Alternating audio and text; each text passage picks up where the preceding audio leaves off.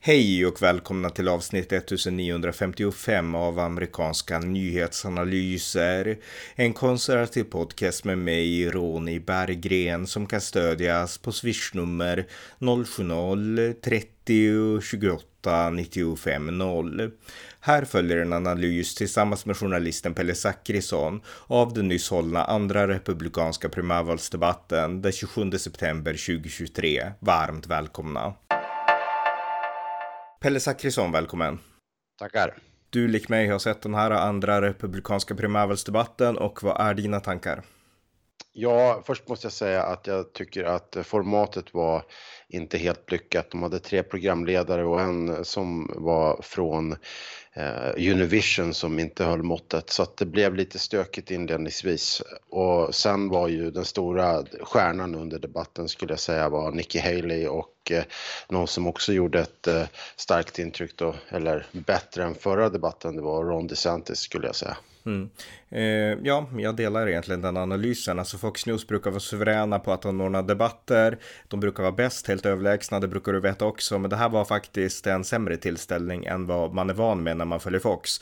Så att eh, ett visst underbetyg för, eh, ja, för de som organiserade debatten. Och jag menar, Doug Burgum då, han var ju den som eh, i början i alla fall liksom flamsade mest och liksom störde och liksom verkligen avbröt moderatorerna. Så att de, de höll inte pli på liksom forskkocken kan man säga. Men jag håller med om att eh, Nikki Haley, hon vann skulle jag säga debatten. Hon var mm. betydligt bättre än förra gången. Hon var tuff och hon var ganska rolig. Hon sa någonting om att, eh, om Vivek Ramaswamy, att varje gång jag hör dig känner jag mig lite dummare, sa hon. Tyckte ja. det var kul.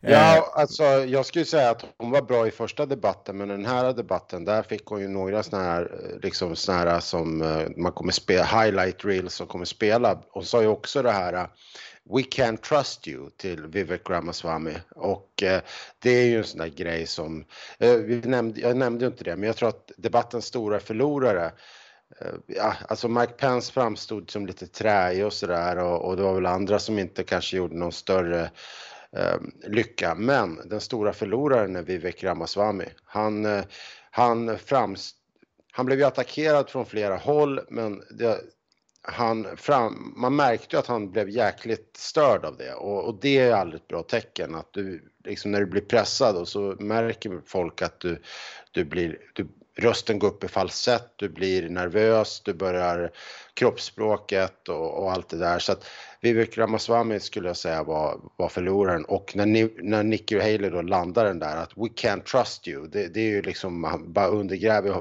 allt han är liksom. Mm. Jag skulle säga att jag ansåg att Vivek Ramaswamy vann den förra debatten, den första debatten. Jag skulle säga att det beror helt på vilket, eh, vilken standard man håller honom för. Jag skulle säga att han förlorade inte så mycket på den här debatten, men jag menar alla vet ju att han är, han kommer ut att bli republikanernas kandidat. Han är en lättviktare, han är ingen tyngdviktare, utan han är ju liksom clownen som är i showen när Trump själv inte är med liksom. Så att jag menar, ah, jag vet inte om jag skulle liksom fästa så mycket vikt vid det just. Men, men däremot så tycker jag att, eh, jag håller med om att Ron DeSantis this han var bättre än i förra debatten. Det gick bra för honom. Han var tydlig med Kina och han var också ganska rolig för han var också en av de här som jag, jag gjorde ett försnack med John Gustafsson som jag hade tänkt ha med här, men han svarade inte nu så jag körde med dig först. Men i vårt försnack så sa jag att jag hoppas att någon tittar in i kameran och säger till Trump, titta på Trump och säger att du är en fegis som inte är här. Och Ron mm. DeSantis gjorde det och eh, även Chris Christie gjorde det. Liksom tittade ja. in i kameran och försökte utmana Trump, kom hit, du är liksom, du, att du inte är här visar att du är feg. Det tyckte jag var kul i båda fallen. Ja, Chris Christie var ganska rolig. Han sa, kallade ju också Donald Trump, Donald, Truck, Donald Trump för Donald Duck och mm. försökte få honom för att han duckar att vara med i, i debatter och sådär. Jag, jag, det slog mig faktiskt när jag satt och tittade på debatten att det var väldigt mycket så här förprogrammerade talspunkter. Det var ganska trä, bitvis ganska träigt och tråkigt och folk kunde liksom inte eh, ja, men gå igenom rutan. Och man tänker på de här, alla de här talen som Trump håller nu, hur rolig han är, hur eh, naturlig och vilken förmåga han har att fånga folks engagemang. Och då tänker man ju på att ja, men då står de här och är inte ens i närheten av det och, och, den enda då som är någonstans har det där naturligt är Chris Christie som då inte alls står nära Trump. Politiskt kanske då, men men, men man kände också att han saknade Eh, mm. Donald Trump saknades. Jag håller med om det. Om vi gör en avstickare till Donald Trump innan vi kommenterar debatten lite mer. Men han har varit ute nu och hållit linjetal kan man säga i en rad olika delstater. Jag har poddat om några. Han pratade om invandringen i Iowa. Sen pratade han i South Carolina om ekonomin och nu ikväll så har han pratat om någonting annat tror jag, jag minns inte exakt vad. Men han håller linjetal utifrån stora teman de här senaste dagarna och allt jag har sett har varit suveränt. Alltså Trump har verkligen, han har varit rolig, han har varit liksom klockren, han har kommit med alltså en problembeskrivning, allt är Bidens fel och ni kan själva se vad som hänt och det här är min lösning. Alltså han har varit väldigt, eh, ja. väldigt tydlig tycker jag. Ja, han har varit tydlig men också varit rolig. Det, idag så pratade han om eh, för, eh, vad heter det, auto workers, mm. alltså de här eh, fack, bilfacket. Och då sa han det att från dag ett så ska jag göra det här och det här. Och sen pratar jag om crazy Joe Biden och han pratar om hur Joe Biden inte kan sätta ihop två meningar i ett. Ingenting av de här roliga personangreppen hör du i den här, i den här republikanska debatten. Det är ingen som ger sig på Joe Biden på det sättet. Som, och det är uppenbart öppet mål. Joe Biden har extremt låga förtroendesiffror och då står de här kandidaterna och bara babblar. Mm. Eh, nu överdriver jag lite grann. Men, men det är ett litet, eh, det är ett litet problem. Och de har lite svårt att komma till de här äh, konkreta grejerna som folk kan ta till sig. Mm. Äh, jag tycker dock att det många av kandidaterna var tydliga om var ju Kina och, och där var det var väldigt och den som var mest radikal där, det var Nikki Haley och det är någonting som jag tror vi bör nästan lyfta. Hon sa ju att om hon blir president, då kommer hon avbryta all normal handel med Kina. Alltså det är liksom en signal om att det här är det är den här hårda linjen som kommer gälla mot, mot Kina. Mm. Och det var, det, det var lite nytt faktiskt. Så om man ska plocka någonting som kom ut konkret policymässigt som var nytt så tror jag att det är nog det mest konkreta. Och det är intressant. Mm, ja, verkligen. Ron DeSantis var också ganska tydlig med Kina tycker jag där.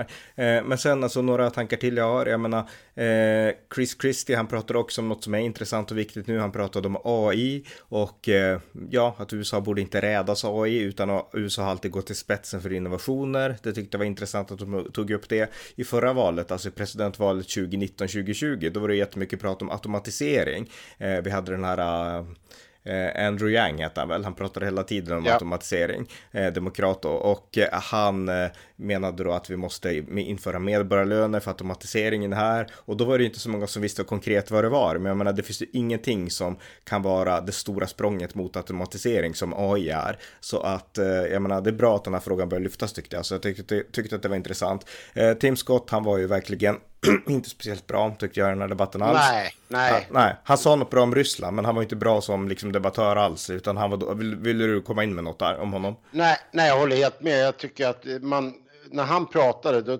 funderade jag, så vad gör han ens där på scenen? Alltså det, han, han, han öppnar munnen och han pratar hör, och han säger ord jag förstår inte vad det är han säger. Mm. Han är, liksom, han kommer ingen vart och han är bara tråkig. Och börjar han prata om att eh, ja, men USA är ett fantastiskt land och sånt där. Fantastiskt land, ja vi vet.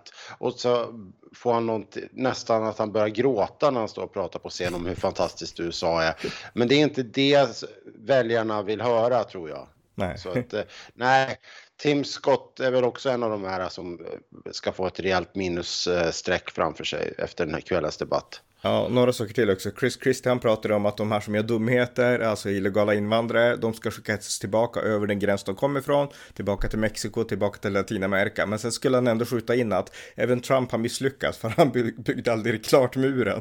Jag menar, det där är ett argument som Demokraterna kanske köper det, men det är inga andra som köper det liksom. Så jag menar, sådana argument kommer man ingen vart med. Sen en annan sak som var lite så här, jag vet inte, eh, alltså Mike Pence, han skulle, ja.